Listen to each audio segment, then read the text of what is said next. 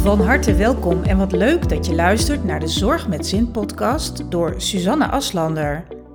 Met deze podcast wil ik zorgprofessionals in Nederland en België met veel plezier inspireren en motiveren als het gaat om energiek, vitaal, happy en stressvrij leven.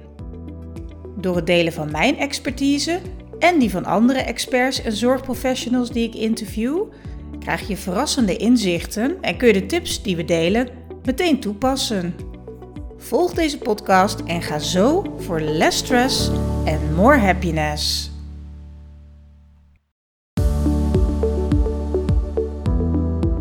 De gast van deze week is Ravi Baros. Hij is al zo'n 15 jaar werkzaam in de forensische psychiatrie binnen verschillende organisaties in Nederland. Daarnaast is hij actief als bewindvoerder.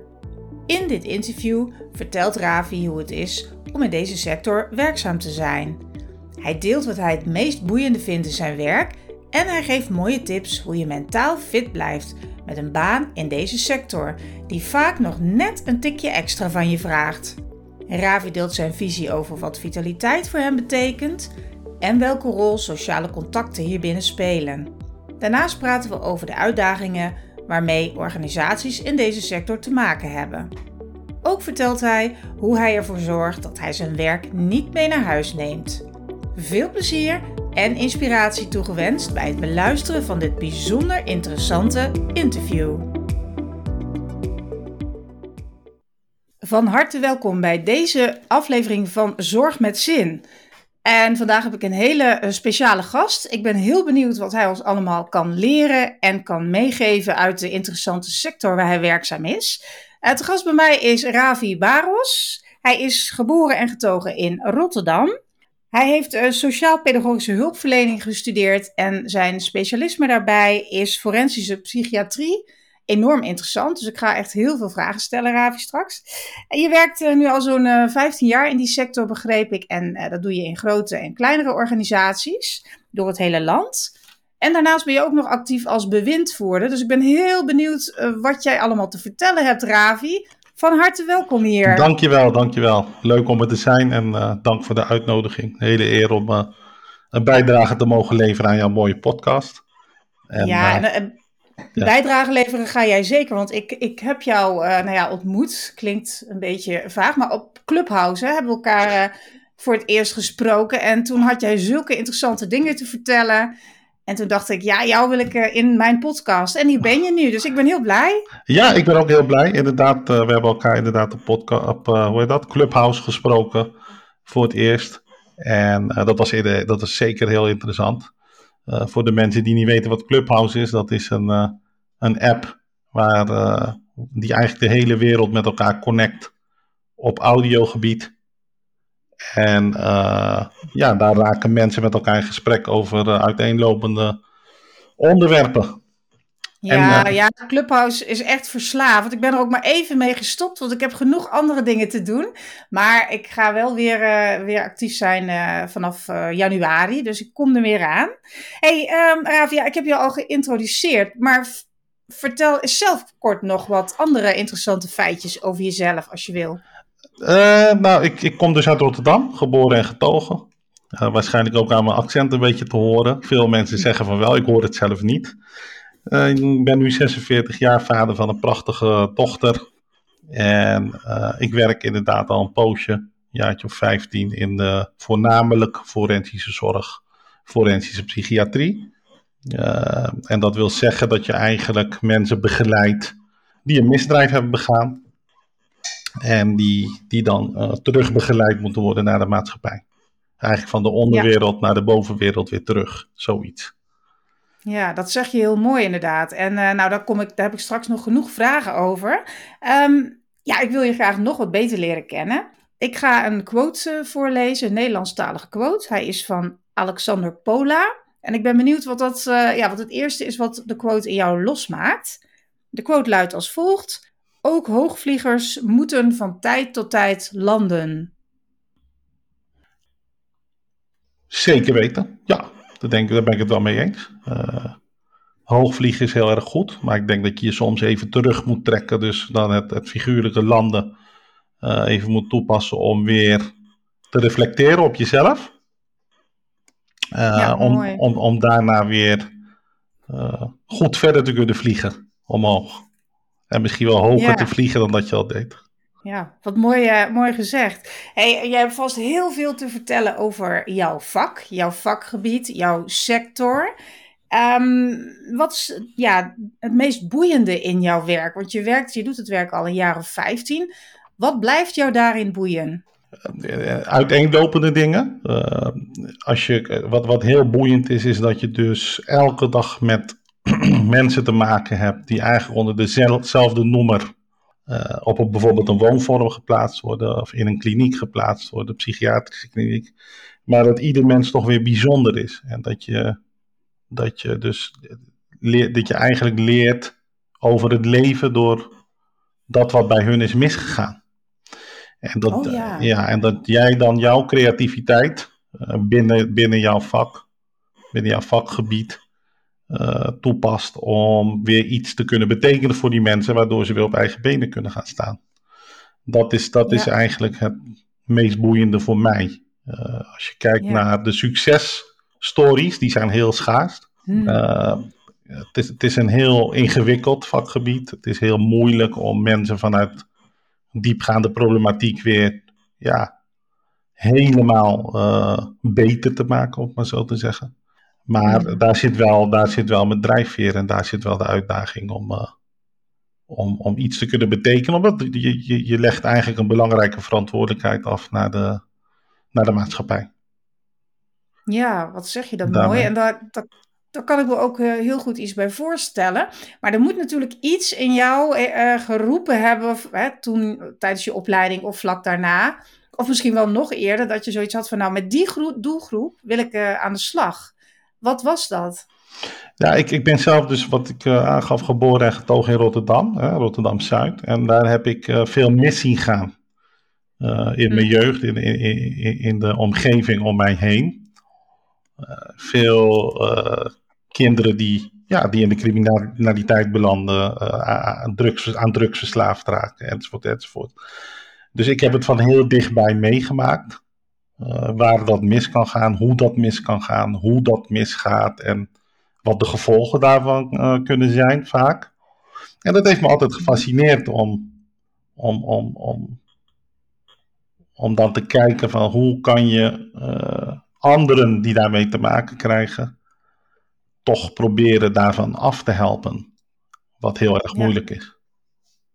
Ja, precies. Want ik kan me voorstellen dat, hè, want je zei al van er zijn maar schaarse successen in dit vak, eh, vakgebied of in deze sector ja, te behalen. Ik noem het even zo, hè, successen behalen. Maar ehm, ja, de, de kans dat mensen weer eh, terugvallen in, in, in, hè, in de dingen waarin ze zaten of in andere dingen, die is natuurlijk eh, ja, vrij groot. Ehm, hoe haal je dan toch die motivatie iedere keer weer bij jezelf omhoog, ondanks dat je het boeiend vindt. Hè? Maar op een gegeven moment zul je ook wel een beetje misschien moedeloos worden, kan ik me voorstellen. Ehm, hoe voelt dat voor jou? Of hoe sta je daarin? Nou, het- je put je, als, je, als je bijvoorbeeld kijkt naar jeugdpsychiatrie, dan, dan put, je, soms ook weer de energie keer op keer uit eh, het leed dat de ouders bijvoorbeeld hebben. Als ze zien dat het misgaat bij hun kind eh, en met hun kind. eh, dat, dat blijft jou dus motiveren om eh, daarin te, te investeren, om, kleine stapjes voorwaarts eh, te realiseren. En dat kan één keer goed gaan en dan twintig keer fout gaan en dan misschien weer een keertje goed. Maar het blijft, het is ook, ik denk vanuit jezelf, de, de drive om, om iets voor anderen te betekenen. Ja, ik wou net zeggen, dat stuk hè, betekenis, dat, dat, dat zingeving in je werk is natuurlijk enorm bij jou. Ehm, en dat kan eigenlijk ook niet anders, denk ik, bij mensen, alle mensen die in jouw sector werken. Want eh, zonder, die, eh, zonder dat kom je er denk ik niet. En ook als je heel gedreven bent, dat je eigenlijk wil dat zoveel mogelijk, dat je zoveel mogelijk kunt eh, heel maken, noem ik het maar. Dan, dan is het vak waarschijnlijk ook niet iets voor jou. Klopt dat? Ik denk dat ook niet. Ik, ik, ik ben het helemaal met je eens. Ik denk dat je, ik denk sowieso in ieder vakgebied wat je ook doet, als je dat, als je daarvan wil genieten en als je het goed wil doen, moet je het vanuit een bepaalde oprechtheid doen, vanuit een bepaalde oprechte motivatie. Dan haal je alles, alles eruit wat er maar in zit en het, het beste uit jezelf. En ik denk dat dat de beste manier is om ook een ander te kunnen helpen. Ja. Hey, en wat maakt jou nou uniek in je werk? Is een hele lastige vraag, maar daar uh, mag je best even over nadenken. Ja, dat is, dat is, dat is inderdaad een, een, een, een goede, goede vraag, ingewikkelde vraag.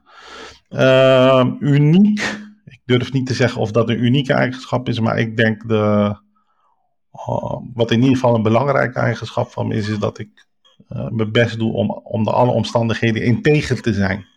Naar, oh, ja. naar iedereen en dus ook naar iedere cliënt. Dus dat kan betekenen dat je, dat leg ik ook altijd uit van, ik wil het beste voor je. En dat kan ook betekenen dat ik besluiten moet nemen die je misschien niet zo leuk zal vinden, maar wel altijd vanuit een uh, integere uh, houding. Ja. Dus integriteit. En, en integriteit. En ik wou zeggen, prachtige eigenschap, toch? Ja. Dankjewel. Uh, we gaan, ja, we gaan, we gaan even naar de zorgsector. Want ja, de zorgsector is natuurlijk um, uh, heel breed. Um, maar als we dan kijken echt naar forensische psychiatrie, waarin jij werkzaam bent. Um, wat is op dit moment de grootste uitdaging in die sector? Nou, die sector is sowieso heel uitdagend uh, op meerdere vlakken. Maar ik denk dat het meest uitdagende is de verantwoordelijkheid die, die, die die sector heeft naar de maatschappij. En dat is ervoor zorgen dat die uh, hoeveelheid recidieven mm-hmm. afneemt. Zodat wij in een veiligere ja. maatschappij kunnen leven.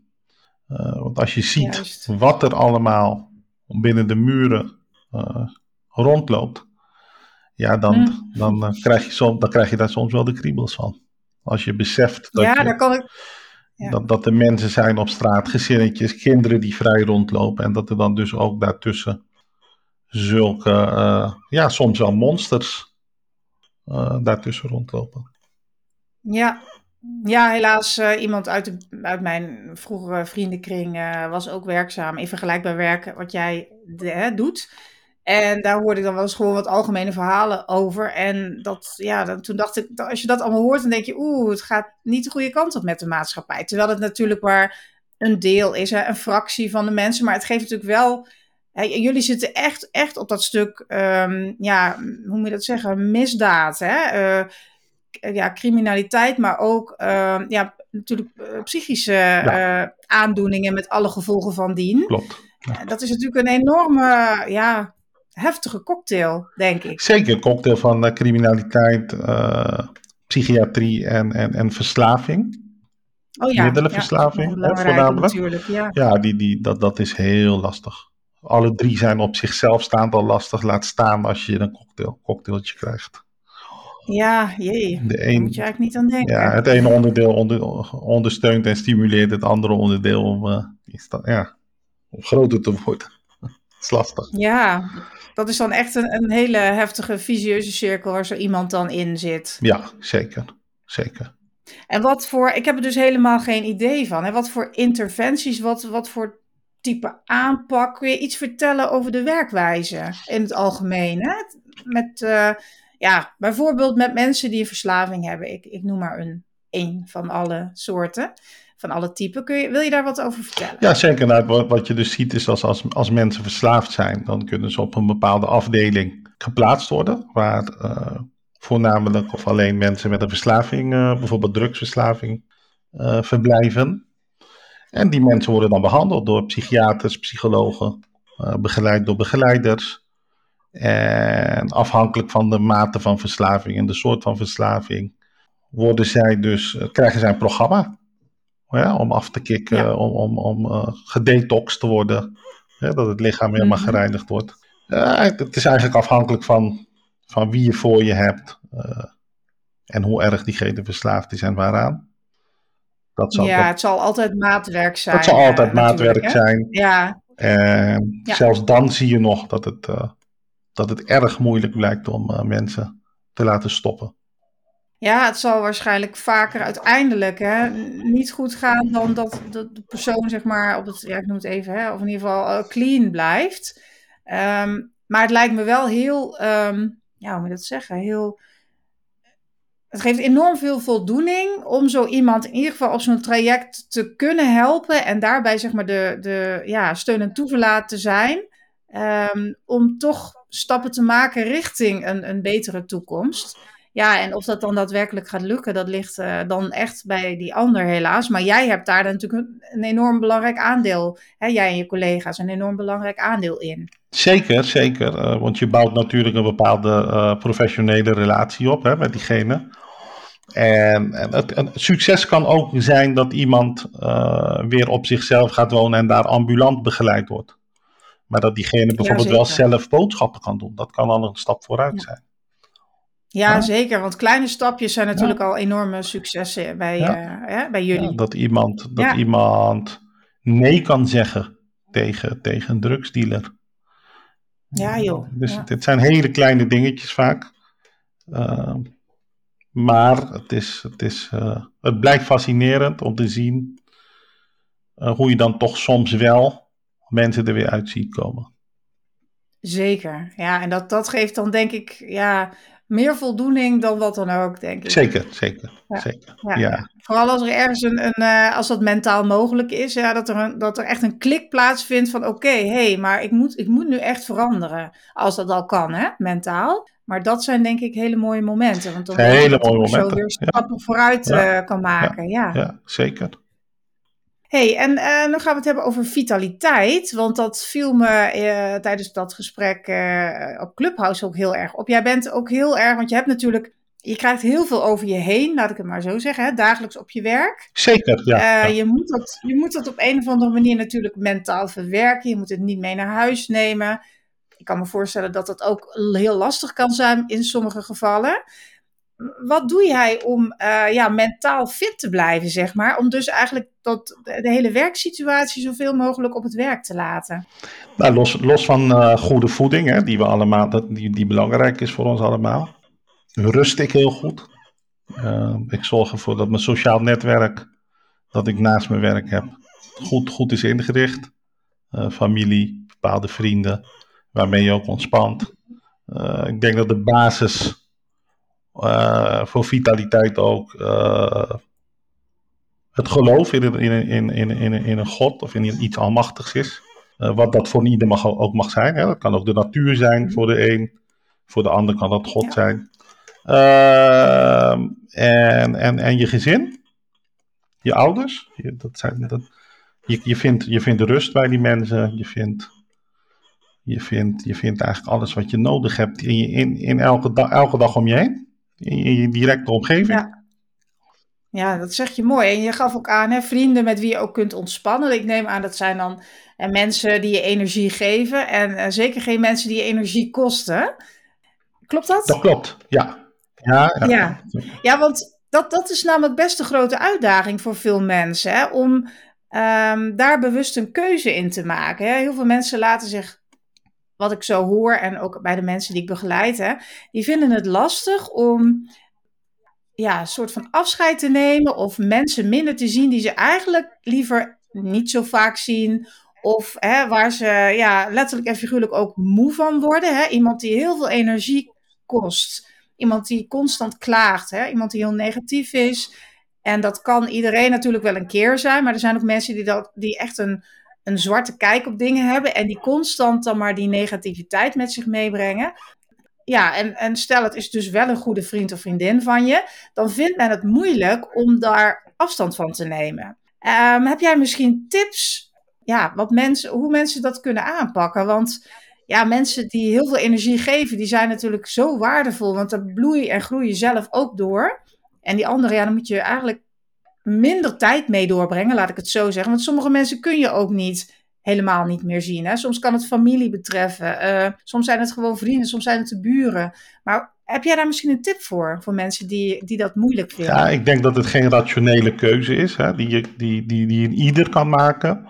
Want wat je zegt vaak, het kan, dus ook iemand zijn in je directe omgeving. Het kan je kind zijn, dat kan uh, je beste vriend zijn, het kan een ander familielid zijn, waardoor het dus heel moeilijk is om, om afstand te ja. nemen. Maar je kan denk ik wel door te reflecteren op jezelf en puur en nuchter te kijken naar wat uh, goed is voor de kwaliteit van jouw leven, kan je wel een Mhm. bepaalde opsomming maken van dingen die belangrijk zijn en mensen die daar een toegevoegde waarde in hebben.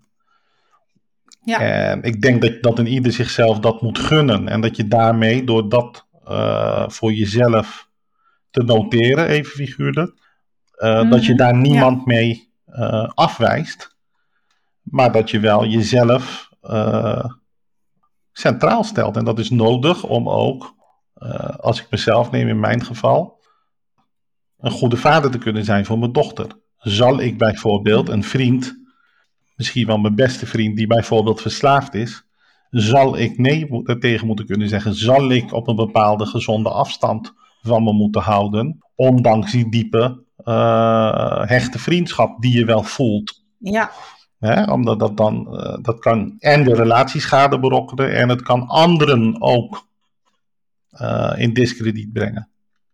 Ja dat, zeg je, dat zeg je heel mooi. hè. Een gezonde afstand houden. Dat, dat Ja, is denk ik denk wat mensen dan zouden moeten doen. En, en men denkt wel heel snel zwart-wit, merk ik. Van, oh ja, maar ik kan toch niet die persoon nu zeggen dat ik hem, hem of haar niet nooit meer wil zien. Maar zo werkt het natuurlijk niet. Het gaat inderdaad om een stuk reflectie. Dat zeg jij heel mooi. En ehm, ja, dat is een goede tip. Dus dan kunnen de luisteraars vast iets eh Ja, dus doen. kwaliteit boven kwantiteit. Hè? Ik bedoel, dat, Oh dat, ja, dat is zeker. belangrijk. En Ja. Progress- progressie boven perfectie. Dat vind ik heel Oh belangrijk. ja, die is ook heel goed. belangrijk, denk ik. Ja, ja, absoluut, absoluut. Hey, ehm, over vitaliteit nog even. Wat betekent vitaliteit voor jou?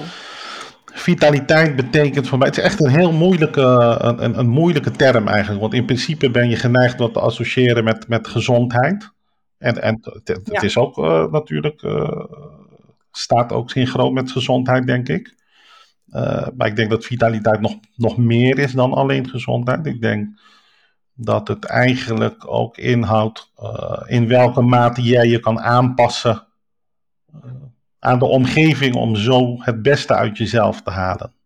Oh, dat is een mooie definitie. Ik heb er heel veel gehoord, kan ik je vertellen. Want het is natuurlijk mijn core business. Maar deze vind ik wel echt heel fascinerend. Ja, En ik denk dat je dus moet kijken voor jezelf, eh, los van de markers die, de, die gewoon standaard eh, belangrijk zijn voor een ieder, dat je moet kijken in welke mate welk onderdeel eh, van vitaliteit voor jou van belang is. Dat kan bij de een meer zijn het, het, het omgaan met vrienden, bij de ander kan, dat, kan de nadruk meer liggen op gezonde voeding, enzovoort, enzovoort. Ja. Bij mijzelf, als ik naar mezelf kijk, eh, Ja. zie ik eh, dat, dat eh, meditatie bijvoorbeeld een belangrijk onderdeel is van mijn vitaliteit. Ik ben goed uitgerust. Ik blijf helder. Ik blijf scherp. Ik, ik, ik kan dingen goed van elkaar scheiden. En ik kan het optimale uit mezelf halen in, in mijn gezin, in mijn werk en in mijn studie. Wat eh, gaaf. Ja, ik, ik eh, doe hetzelfde. Maar ik ben wel benieuwd, hoe, hoe doe jij dat? Doe je dat in de ochtend? Begin je je dag met een eh, meditatie? Of eindig je hem ermee? Of doe je beide? Ik doe het aan het einde van de dag. Dan reflecteer ik nog even op de dag. En kijk ik een klein beetje vooruit naar de dag van morgen. Die nog, die nog niet bestaat, maar ik doe het toch even. En dan ga ik eh, Mhm. rustig mediteren en vervolgens slapen. En dat levert heel veel rust, zelfreflectie en eh, kracht op voor de volgende dag. Ja, mooi. Nou, nog even over vitaliteit, zeg maar, in jullie sector, hè, in de forensische psychiatrie. Ehm, als je kijkt naar de hè, gemiddelde vitaliteit van de medewerkers daar, wat is dan iets waar ze heel erg tegenaan lopen? En ik kan me voorstellen dat het vooral op het mentale vlak ligt, op de mentale vitaliteit. Maar eh, ja, jij weet het waarschijnlijk. Eh, het is een goede vraag. Ik weet niet of daar eh, wetenschappelijk onderzoek naar verricht is, maar het is echt een hele goede. Ik denk dat als ik om me heen kijk, dat je inderdaad een bepaalde mentale uitputting ziet bij Hm. veel medewerkers, collega's. Omdat het gewoon een zwaar werkveld is, mentaal. Je hebt constant met het leed van anderen te maken. Eh, Ja. Je denkt iets voor ze op te bouwen. Dan gaat het weer mis, keer op keer. Eh, de interactie met andere collega's. eh, verschillen van mening. ja, cohesie binnen groepen. Ik denk dat al die dingen bij elkaar het toch wel pittig maken. Ja. Ja. Ja, en is er, is er bij jullie op het werk bijvoorbeeld, hè, of de plekken waar jij werkt, uh, wordt daar actief iets gedaan vanuit het management om daarop in te spelen? En dan denk ik bijvoorbeeld aan bepaalde interventies, maar ook bijvoorbeeld, ja, geen idee, um, gewoon het erover hebben samen. Hoe, hoe gaat dat? Als je daar iets over kunt vertellen. Ja, ik kan, ik kan geen uh, namen noemen natuurlijk, organisaties. Nee, natuurlijk niet. Het is nee. wel een goede, goede vraag en een, een belangrijk aspect ook, denk ik. Van, uh, ook als je kijkt met betrekking tot het, presteren als groep. Uh, ik, denk dat, ik denk dat daar te weinig aan gedaan wordt. Tenminste wel in de organisaties waar ik vaak kom, zie ik dat daar te weinig gedaan wordt aan bijvoorbeeld groepscohesie. Hey, hoe denken we over dit? Ja. Hoe handelen wij in een crisissituatie? Bij agressie. Weet je, dit, dit. Ja. Maar ook gewoon het, het simpele van een, een, een vrijdagmiddagborrel bijvoorbeeld. Gezellig met je collega's in een andere setting. Even lachen en, en elkaar ja. beter leren kennen. Ik denk dat dat, dat, Ja. dat echt behoorlijk ontbreekt. Ja, wat dat is jammer. Dat heeft waarschijnlijk ook te maken natuurlijk met tijdgebrek. Uh, met andere, ja. Uh, ja, andere prioriteiten sowieso. Uh, corona heeft vast ook bij jullie van alles nog eens extra lastig en ingewikkeld gemaakt. Zeker. Um, heb jij een, een tip voor hè, een manager in jouw sector? jij gaf net al een aantal tips, hè? bijvoorbeeld die borrel, hè? dat positieve met lachen is natuurlijk enorm goed voor je, voor je hè, de gelukshormonen, Ja, om die zeker. even lekker los te laten komen. Ja. En uh, dat zijn maar kleine dingen, die zijn ook zo te realiseren. Die kosten geen tot amper geld. Dat is een heel mooi voorbeeld. Uh, heb je nog een voorbeeld waar ja, jouw sector echt, ja, echt gewoon mee zorgt dat er inderdaad meer die cohesie komt, dat er wat meer um, openheid is? Ja, Ik dat. denk waardering. Uh, zowel voor ieder individu binnen een groep als voor de groep als geheel waardering is wel iets wat duidelijk ontbreekt. En dan heb ik het niet over financiële waardering door een bonus of een uh, salarisverhoging, maar meer uh, persoonlijke aandacht van een manager bijvoorbeeld naar iemand op de werkvloer. Dat, dat ontbreekt heel duidelijk. En, en dat kan, Ja. dat En kan net het puntje zijn waardoor iemand gemotiveerd blijft om, om, om, om alles te geven wat hij in zich heeft. Absoluut. Ja, daar zit het hem in, hè. Inderdaad, waardering, eh, eh, echt oprecht luisteren, luisterend oor. Ehm, dat zeg je heel mooi. Ja, en dat kost helemaal niets, hè. Dat kost heel even wat tijd. Het moet wel authentiek en oprecht zijn natuurlijk en totaal welgemeend. Anders werkt het natuurlijk niet. Maar ehm, een supergoeie tip. Eh, we gaan naar de vraag van de week. Ehm, je hebt in je werk vast ook te maken, hè, dat hadden we het net ook al over, met allerlei heftige gebeurtenissen. Mensen die in heftige situaties komen of geweest zijn. Ehm, allerlei, ja, misschien ook wel, of zeker weten ook schrijnende casussen, hè, die je heel erg aan kunt trekken. Hoe zorg je ervoor dat je, ja, naast meditatie, want dat noemde je al, maar dat je dat niet mee naar huis neemt? Heb je bijvoorbeeld een, ehm, een soort ritueel dat terwijl je naar huis rijdt of fietst of reist, hè, dat je dan eh, even wat dingen afhandelt of, of schrijf je dan wat dingen op om het van je af te zetten of doe je dat op een andere manier? Nou, ik, ik, ik focus me dan eigenlijk op de, ja, de andere dingen. Zodra ik van, eh, van mijn werk vertrek, focus ik me direct op de andere dingen die belangrijk voor me zijn. Uh, in mijn geval is dat mijn dochter. Dat is het allerbelangrijkste uh, in mijn leven. En als ik Ja. bijvoorbeeld alleen al een foto van haar zie, dan vergeet ik al het andere even. Oh, Dus, heerlijk. eh, ja. ja, dat doe je goed. Dus ook een blik op, je, op, eh, op de foto doet voor jou in die zin al wonderen. Ja. Ja, en Ja, het besef. Mooi. En dan, dan weet je, ja. Sorry? Sorry, wat? Nee, zeg Nee, maar. en, dus het besef dat, dat je, eh, het feitelijke besef dat als je de deur achter je dicht slaat, dat je dat verhaal even, dat boek even dicht doet. En Ja, weer open doet wanneer je terugkomt. Mooi. Dus dat soort van, dat visualiseer je ook van, nou, dit is nu klaar, dat blijft daar. En dat werkt zo Zeker. voor jou. Mooi. Zeker. Een goede Dat, tip, denk ik. En, en niet alleen, eh, ja, zeg maar in, in jouw sector, maar ik denk in alle, in heel de zorg. Zeker. Ja. Ja, want je bent natuurlijk zo begaan met de cliënten of patiënten. Dat het lastig kan zijn om, eh, om dat los te laten. Zeker bij vervelende, eh schrijnende of hele zielige uh, verhalen. Zeker, ja, klopt. Dus dat, ja, dat is een mooie manier om dat niet mee naar huis te nemen. Jij hebt ook nog een vraag aan mij, als het goed is. Want ja, ik ben al de hele tijd van alles aan het vragen. Dus ik ben wel benieuwd, ehm, heb jij voor mij nog iets wat je wil weten? Ja, zeker. Ik bedoel, jij bent expert op het gebied van vitaliteit. Hè? En ik, ik, vraag me dus oprecht af hoe jij vitaliteit ziet en hoe je mij een tip kan geven om, om nog vitaler te worden in het leven. En natuurlijk de luisteraars. Ja, jeetje. Goh, wat een uh, lastige. Heb je nog een half uur?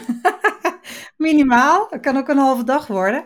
Ja, dat is een goeie. Nou, ik, ik zeg altijd, ik adem vitaliteit. Want vitaliteit is, net zoals jij het ook omschreef, dat is zo'n mooi groot uh, ding, waar zoveel dingen weer onder vallen, die in samenwerking, in samensmelting iets ja, heel moois kunnen creëren. Namelijk dat je uh, mentaal en fysiek zo gezond mogelijk kunt leven en kunt genieten van het leven. Um, en mijn interesse voor vitaliteit is eigenlijk al nou ja, 30 jaar enorm.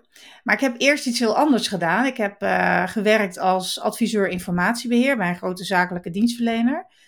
Um, vond ik ook heel erg leuk. Uh, maar toen ik op een gegeven moment daar vertrok, toen dacht ik, yes, ik ga nu echt mijn passie volgen. En uh, je passie volgen is voor behoort bij mij ook absoluut in het concept vitaliteit. He, je dromen achterna gaan.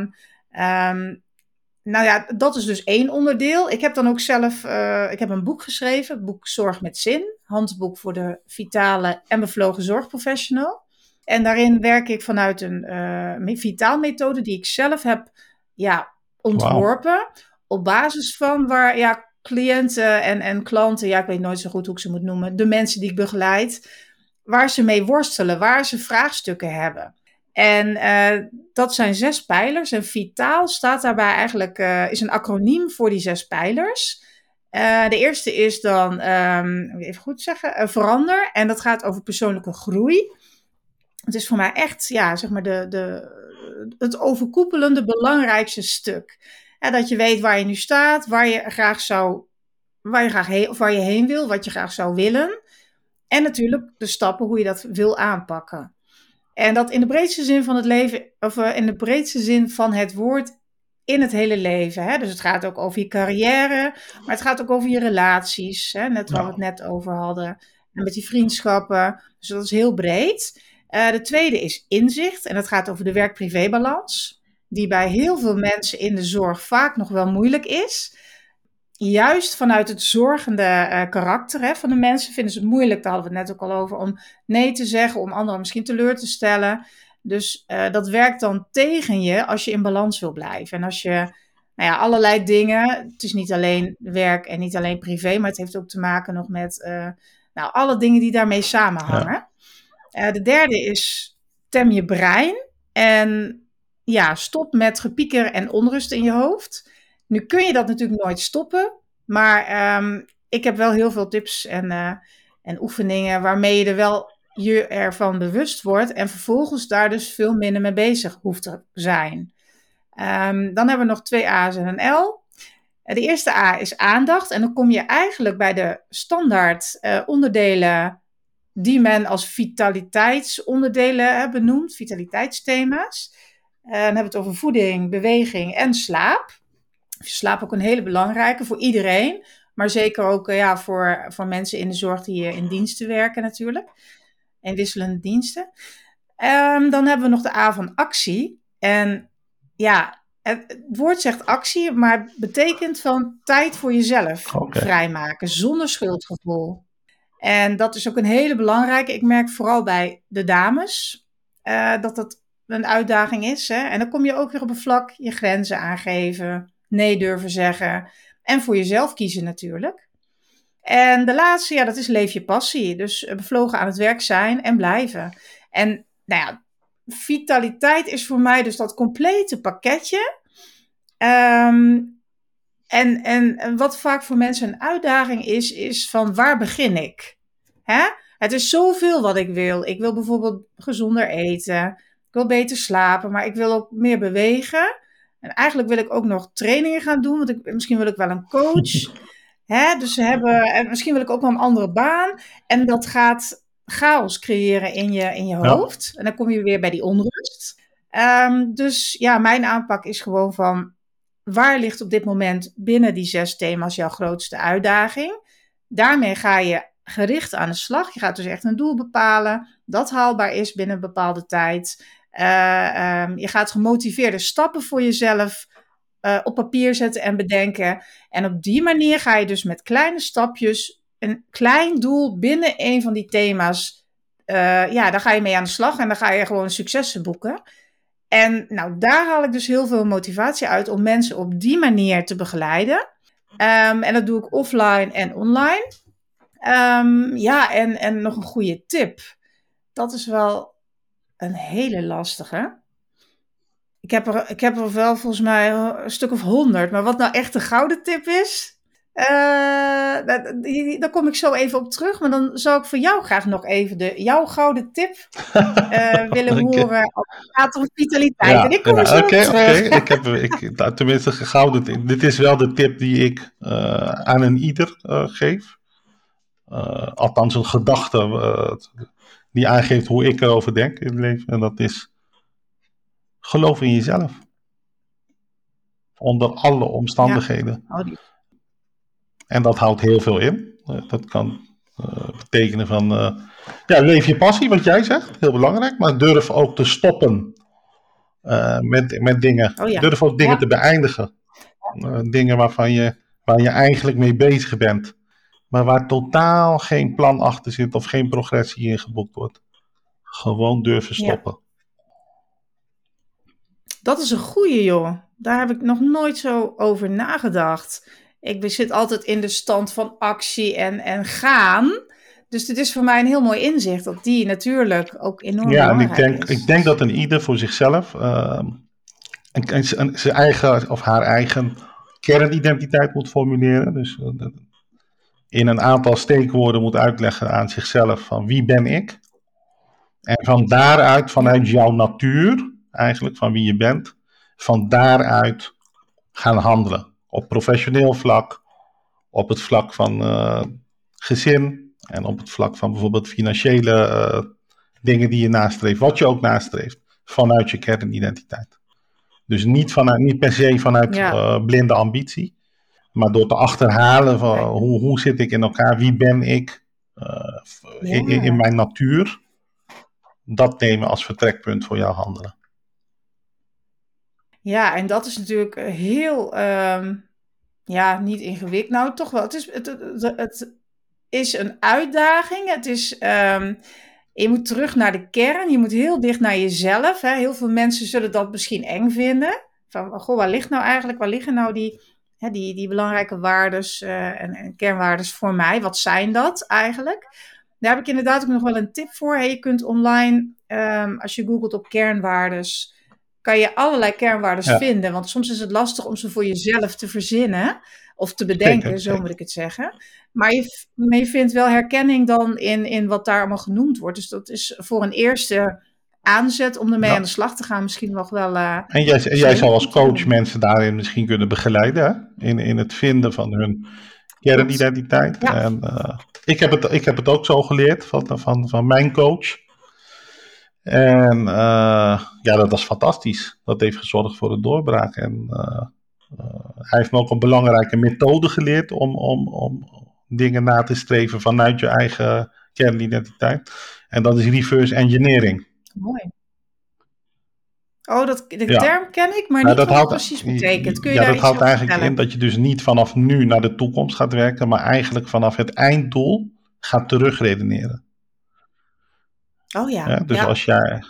En dat geldt voor dat alles. Dat geldt eigenlijk voor alles. Als jij, dat geldt voor je, voor je gezin ja. bijvoorbeeld. Wat wil je bereiken met je gezin? Welke relatie wil jij met je kind hebben? Als jij 70 bent of 80, wat wil je dan dat de relatie is met jouw kind? Nou, wat, wat moet je doen? Wat moet de stap daarvoor zijn? Om tot die relatie te komen. Wat moet de stap voor die stap zijn? En zo kom je terug Juist, naar het heden. En dan heb je eigenlijk een heel mooi pad voor jezelf gecreëerd om, uh, om als handleiding ja, te gebruiken. Een soort manual voor jezelf. Ja, ik heb de term heel vaak gehoord inderdaad, maar ik ga daar toch eens verder uh, nog onderzoek naar doen, want het klinkt heel interessant. En er komt natuurlijk ook enorm veel emotie bij kijken. Op het moment dat je bijvoorbeeld zoiets gaat doen van, goh, hè, hoe wil ik dat mijn kind me dan ziet of hoe wil ik dat de relatie dan is. Maar ook op allerlei andere vlakken. Zeker met dierbaren is dat natuurlijk... Uh, ja, ook ja, gezondheid. Vitaliteit, ja, gezondheid. Ook, ja. Als ik op mijn negentigste nog gezond wil zijn, wat moet ik dan wat moet de stap daarvoor zijn om, om op mijn negentigste gezond te zijn? Je hebt natuurlijk nooit zekerheid, maar wat zijn de stappen die je wel moet nemen om in ieder geval het beste uit jezelf te halen?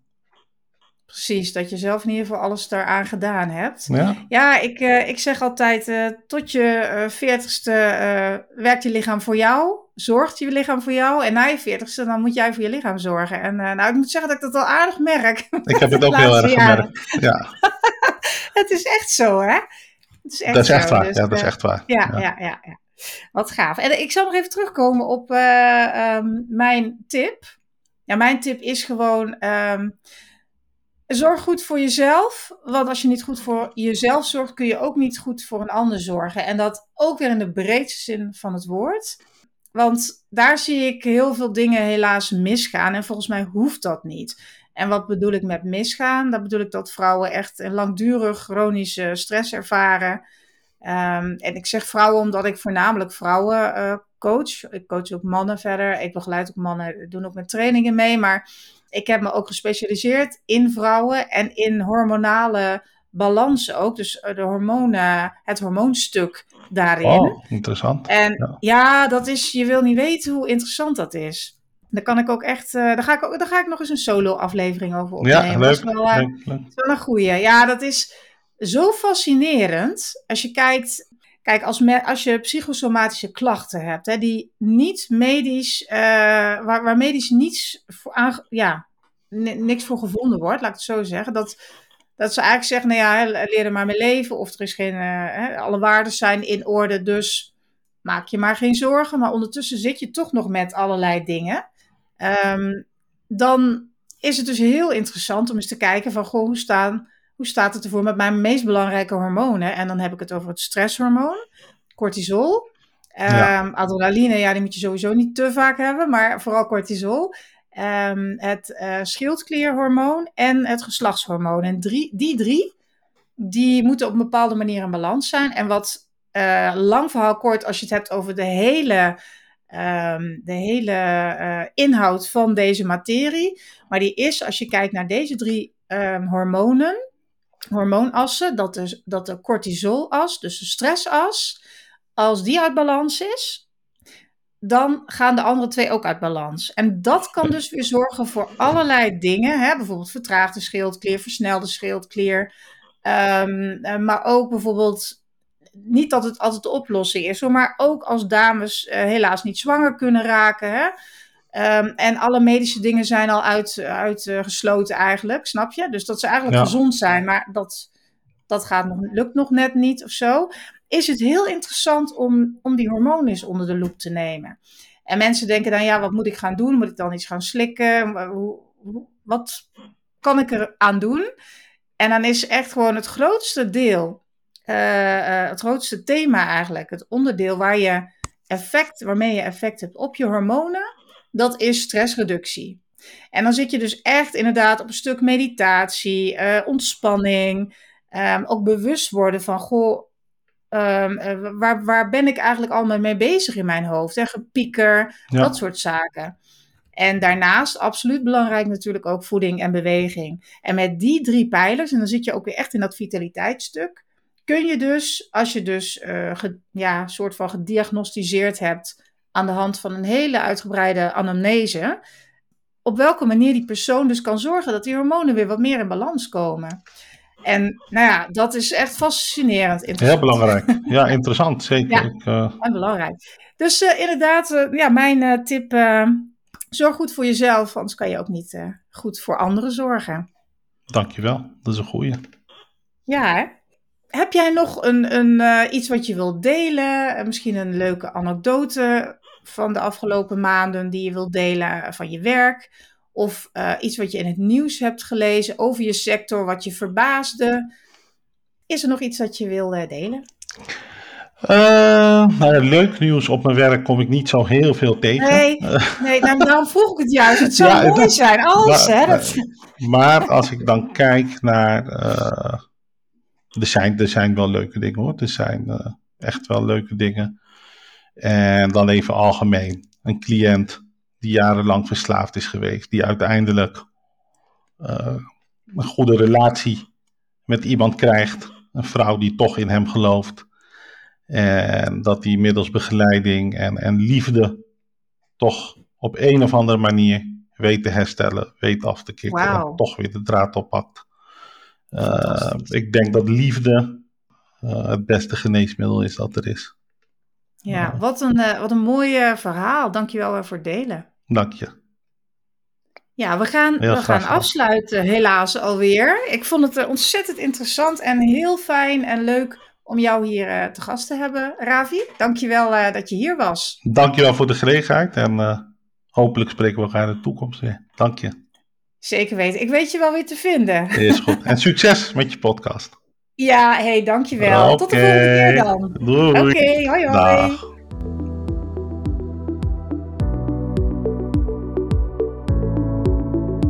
Hartelijk dank dat je afgestemd was op mijn podcast. Wil je graag nog meer inspiratie en motivatie? Abonneer je dan via de knop volgen. Heb je vragen over deze podcast of heb je misschien een onderwerp dat je graag behandeld wilt hebben? Neem dan contact op met mij via info@suzanneaslander.nl. Het is helemaal leuk als je een screenshot van mijn podcast maakt en die deelt op je socials. Want hoe meer zorgprofessionals ik mag inspireren, hoe blijer ik natuurlijk word. Ben je tenslotte op zoek naar nog meer tips? Download dan nu gratis de Ultieme MeTime Gids. Dit is mijn inspirerende e-book van maar liefst 44 pagina's. Vraag hem aan via www.suzanneaslander.nl gratis.